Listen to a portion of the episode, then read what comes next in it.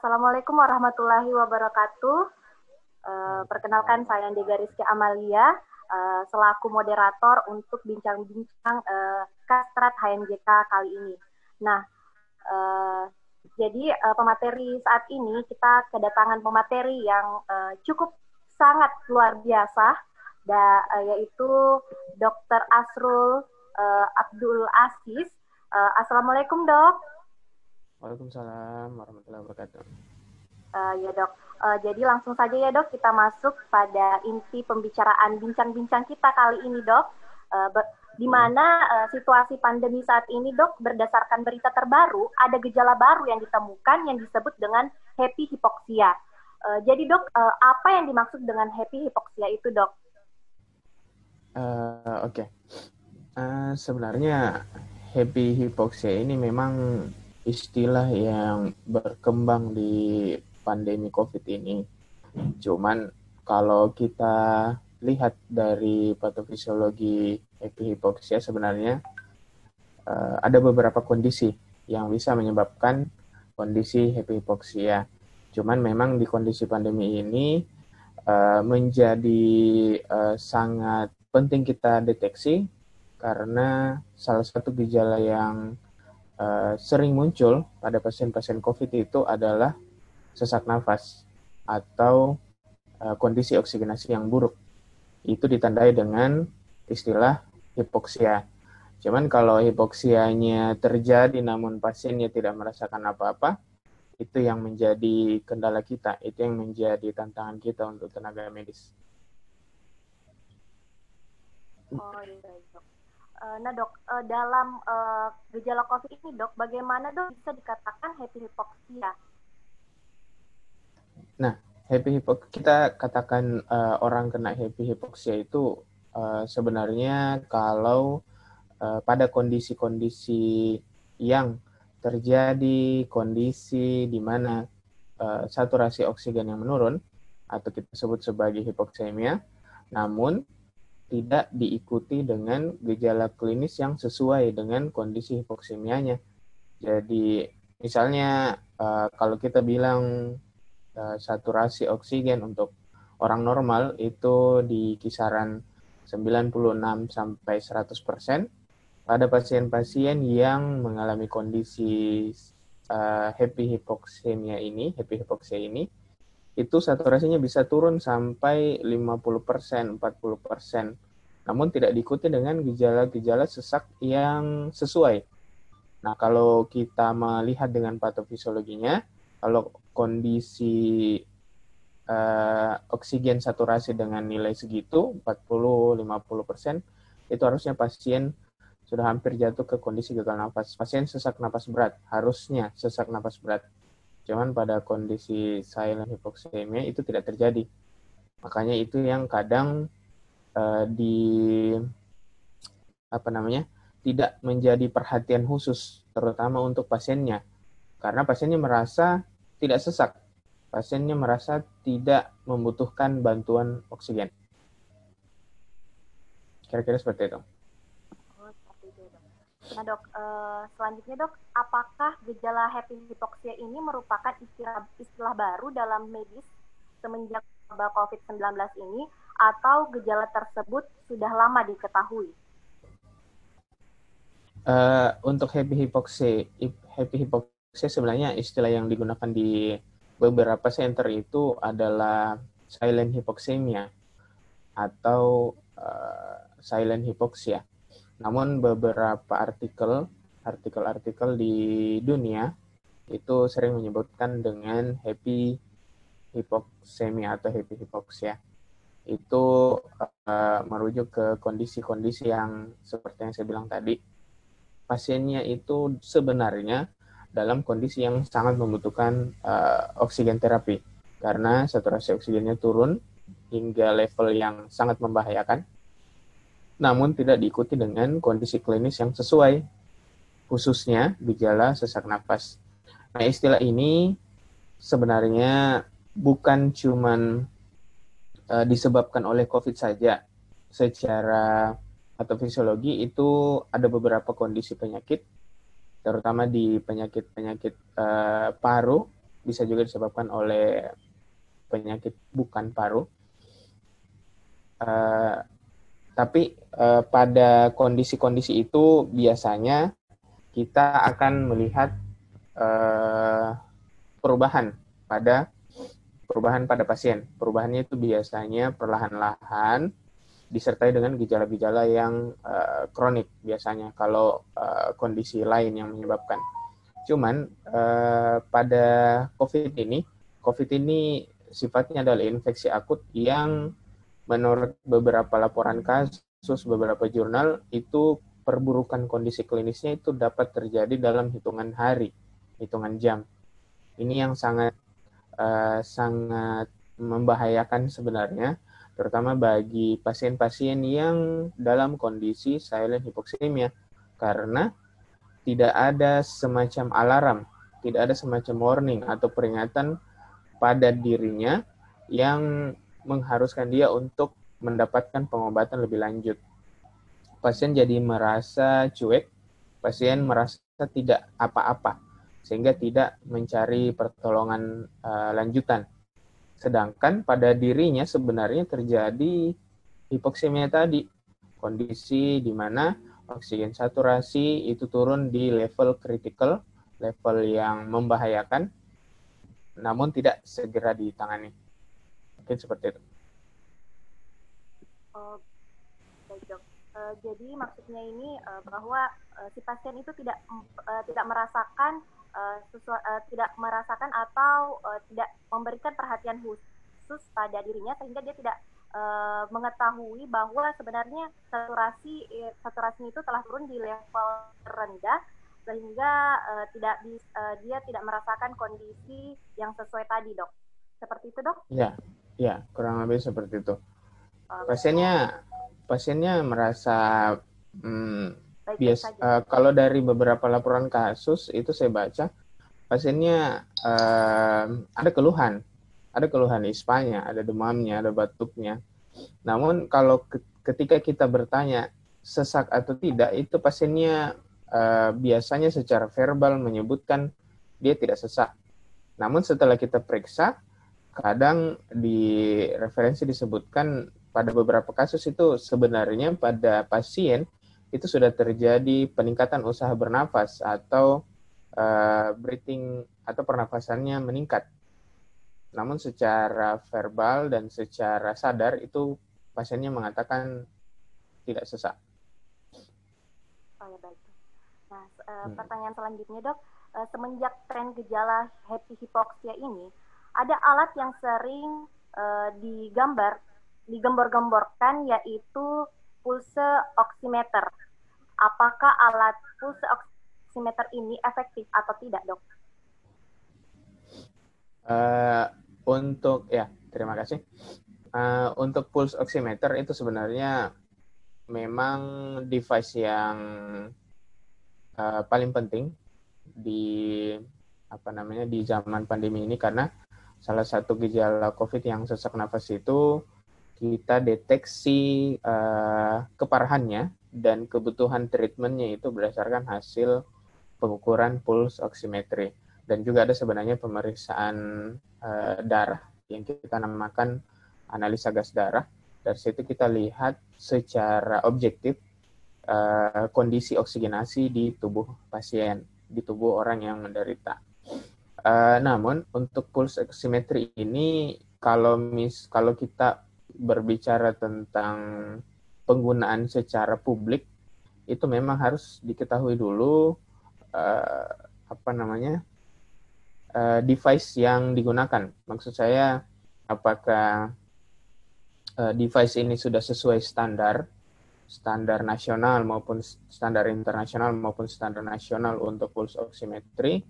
Apakah device ini sudah terkalibrasi dengan baik dan Uh, kalau bicara publik kan biasanya pulse oximetrinya itu ditenagai oleh baterai.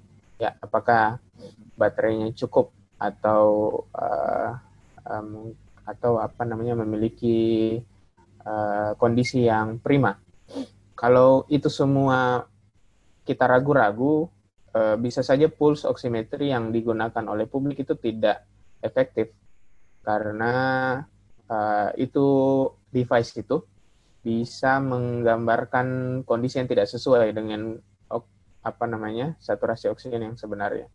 Kalau di rumah sakit itu dia langsung terhubung dengan monitor dan ter apa namanya ter maintenance dengan baik secara berkala. Jadi eh, keakuratannya lebih baik. Kalau bisa dipastikan untuk pulse oximetry yang digunakan secara publik itu kondisinya prima, bagus, itu uh, bisa menjadi uh, tools atau alat yang baik untuk mendeteksi kondisi hipoksemia. Oh, jadi baik dok. Jadi bisa dikatakan bahwa uh, alat pulse oximetry ini tidak terlalu efektif ya dok? Uh, iya, saya ralat sedikit. Saya koreksi sedikit ya.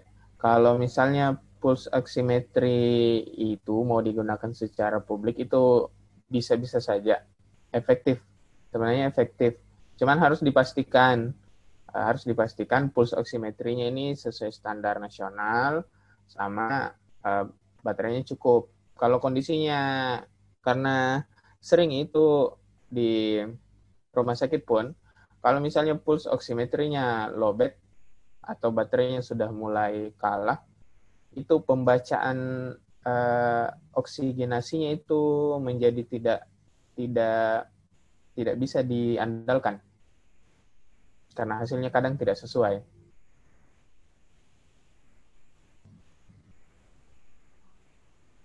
Seperti itu. Uh, jadi, oh ya dok. Hmm. Jadi apakah perlu menyediakan alat ini di setiap pos-pos kesehatan dok? Uh, untuk di pos kesehatan, ini maksudnya pos kesehatan yang aneh ya, uh, memang pasien datang atau hanya untuk screening saja? Uh, mungkin pasien datang dok. Uh, kalau kalau untuk uh, pos-pos kesehatan di mana pasien datang untuk uh, memeriksakan diri dan berobat secara sadar, uh, saya pikir perlu karena dengan banyaknya kasus dan kondisi perburukan klinis di uh, zaman COVID ini, terutama pada pasien-pasien COVID yang uh, memiliki komorbid yang banyak, usia usia lebih tua, itu memang rentan terjadi kondisi hipoksemia Nah, yang membahayakan adalah ketika terjadi hipoksemia yang tidak disertai gejala yang sesuai atau istilah yang digunakan sekarang adalah silent hypoxemia atau happy hypoxemia. Uh, Oke dok. Uh, jadi apakah uh, happy hypoxia ini bisa dikatakan berbahaya dok? Ya, uh, menurut saya sangat berbahaya karena uh, pasien itu tidak sadar bahwa dia mengalami kondisi yang berat yang membutuhkan penanganan medis segera. Kalau pasiennya tidak sadar dia butuh pertolongan, itu biasanya dia menjadi uh, cuek atau tidak uh, mendatangi atau tidak berkonsultasi dengan uh, dokter atau tenaga medis. Itu yang membahayakan. Karena untuk kondisi uh, maaf untuk infeksi SARS-CoV ini coronavirus ini sesuai yang saya bilang tadi itu perburukan klinisnya bisa berlangsung sangat cepat. Jadi bisa saja bisa saja karena orangnya tidak merasa sesak tidak merasa butuh pertolongan dia mungkin ya mungkin santai-santai saja di rumah nonton TV, toh ngemil-ngemil, baca koran. Tiba-tiba beberapa jam kemudian tidak sadar, sesak nafas hebat. Nah, ke, ketika terjadi itu, kita membutuhkan uh, kita hanya punya jendela waktu yang sangat sempit untuk memberikan pertolongan. Berbeda misalnya kalau uh, pasiennya datang lebih awal, datang lebih awal, diperiksakan semuanya lebih awal, kita menjadi lebih awas, kita menjadi lebih hati-hati untuk memberikan terapi dan menangani kondisi yang mungkin dapat membahayakan di di uh, beberapa saat kemudian. Kalau begitu dok, uh, bagi, apakah ada kayak tanda-tanda gejala awal yang bisa dimiliki pasien sehingga uh, seperti uh, uh, ini kan gejalanya kita tidak ketahui gejala awalnya. Uh, seperti kita hmm. tidak merasakan uh, sesak kecuali pada saat pemeriksaan uh, pada hasil pemeriksaannya. Nah, bagaimana cara kita mengetahui bahwa sebenarnya kita uh, menderita uh, happy hypoxia ini? Maksudnya tanda tanda ciri khasnya begitu, Dok. Oke. Okay. Uh, untuk di zaman pandemi ini, ketika terjadi kondisi ISPA atau kita sebut uh, infeksi saluran pernapasan akut, itu sebenarnya sudah menjadi tanda awal harus eh, hati-hati uh, dan harus sebaiknya memeriksakan diri untuk menyingkirkan kemungkinan ke arah COVID-19, COVID-19.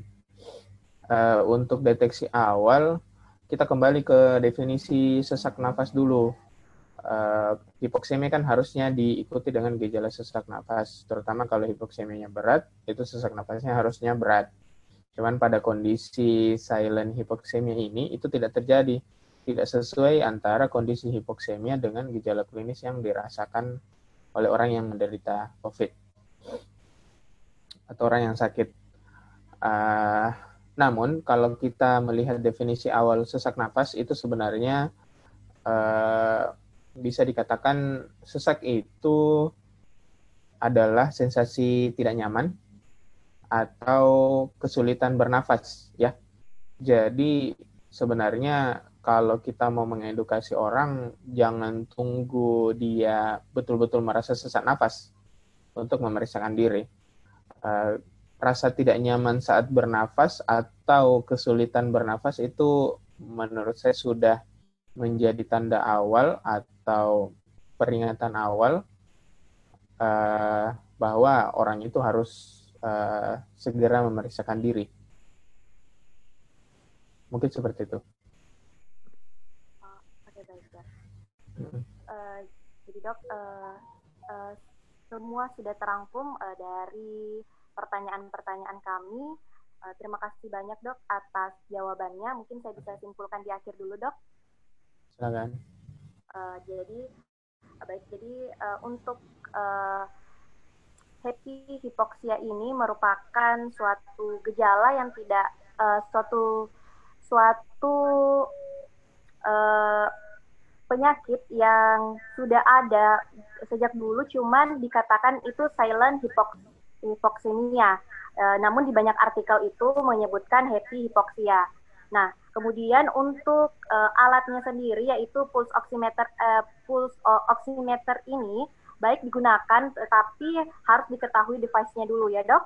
Uh, kemudian untuk uh, kondisi uh, untuk kondisi dari hipohipoksia eh, happy hipoksia ini memang uh, pasien tidak akan merasa uh, cuma akan merasakan mungkin uh, sedikit sesak uh, tapi pada saat uh, dibawa ke dokter itu uh, setelah dilakukan pemeriksaan saturasinya uh, akan rendah atau pernafasannya meningkat. Uh, kemudian uh, mungkin uh, itu saja dari kesimpulan saya dok. Uh, sebelum kita mengakhiri dok, apakah ada uh, yang ingin disampaikan sebelum kita tutup dok? Uh, Oke, okay. um, yang ingin saya sampaikan mungkin sama dengan uh, edukasi kementerian yang sampai sekarang selalu di sebutkan, disampaikan, disebarkan uh, di berbagai media. Ya, jadi tetap tetap pertahankan imunitas diri.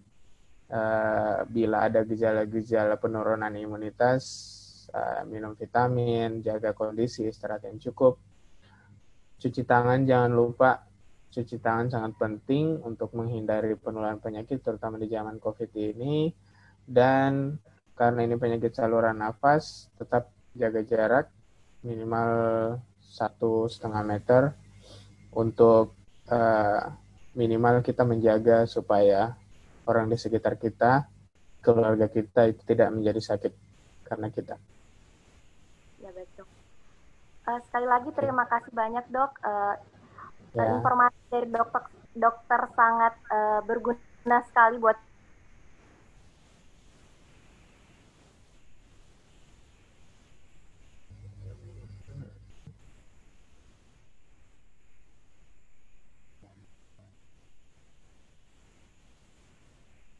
uh, mute kira.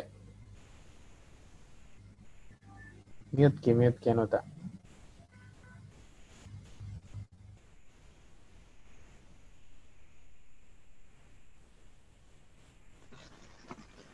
Maaf dok, tadi jaringan yang di device satu agak kurang stabil dok. Oke. Okay. Ya saya lanjutkan di sini ya dok. Ya silakan. Ya, terima kasih banyak dok atas informasi yang telah dokter berikan. Ini sangat berguna sekali buat kita semua karena kita ketahui uh, saat sekarang adalah saat pandemi, di mana tentu saja eh, penyakit-penyakit uh, pernafasan itu seperti happy hypoxia ini sangat uh, mengbooming sekali Uh, jadi saya mengucapkan terima kasih banyak atas informasi yang dibagikan kepada dokter. Uh, jadi uh, untuk uh, bincang akhir bincang-bincang kita saat ini, saya mengucapkan kepada uh, semuanya untuk jaga jarak, uh, tetap mencuci tangan, kemudian memakai masker jika keluar dan uh, untuk yang uh, mungkin uh, yang kurang uh, beraktivitas di luar lebih baik uh, kita lakukan aktivitas saja di dalamnya, dok. Ya, terima kasih banyak dok. Uh, saya selaku moderator Andi Gariski Amalia menutup uh, dan mengakhiri bincang-bincang uh, kali ini. Terima kasih dok. Ya, terima kasih.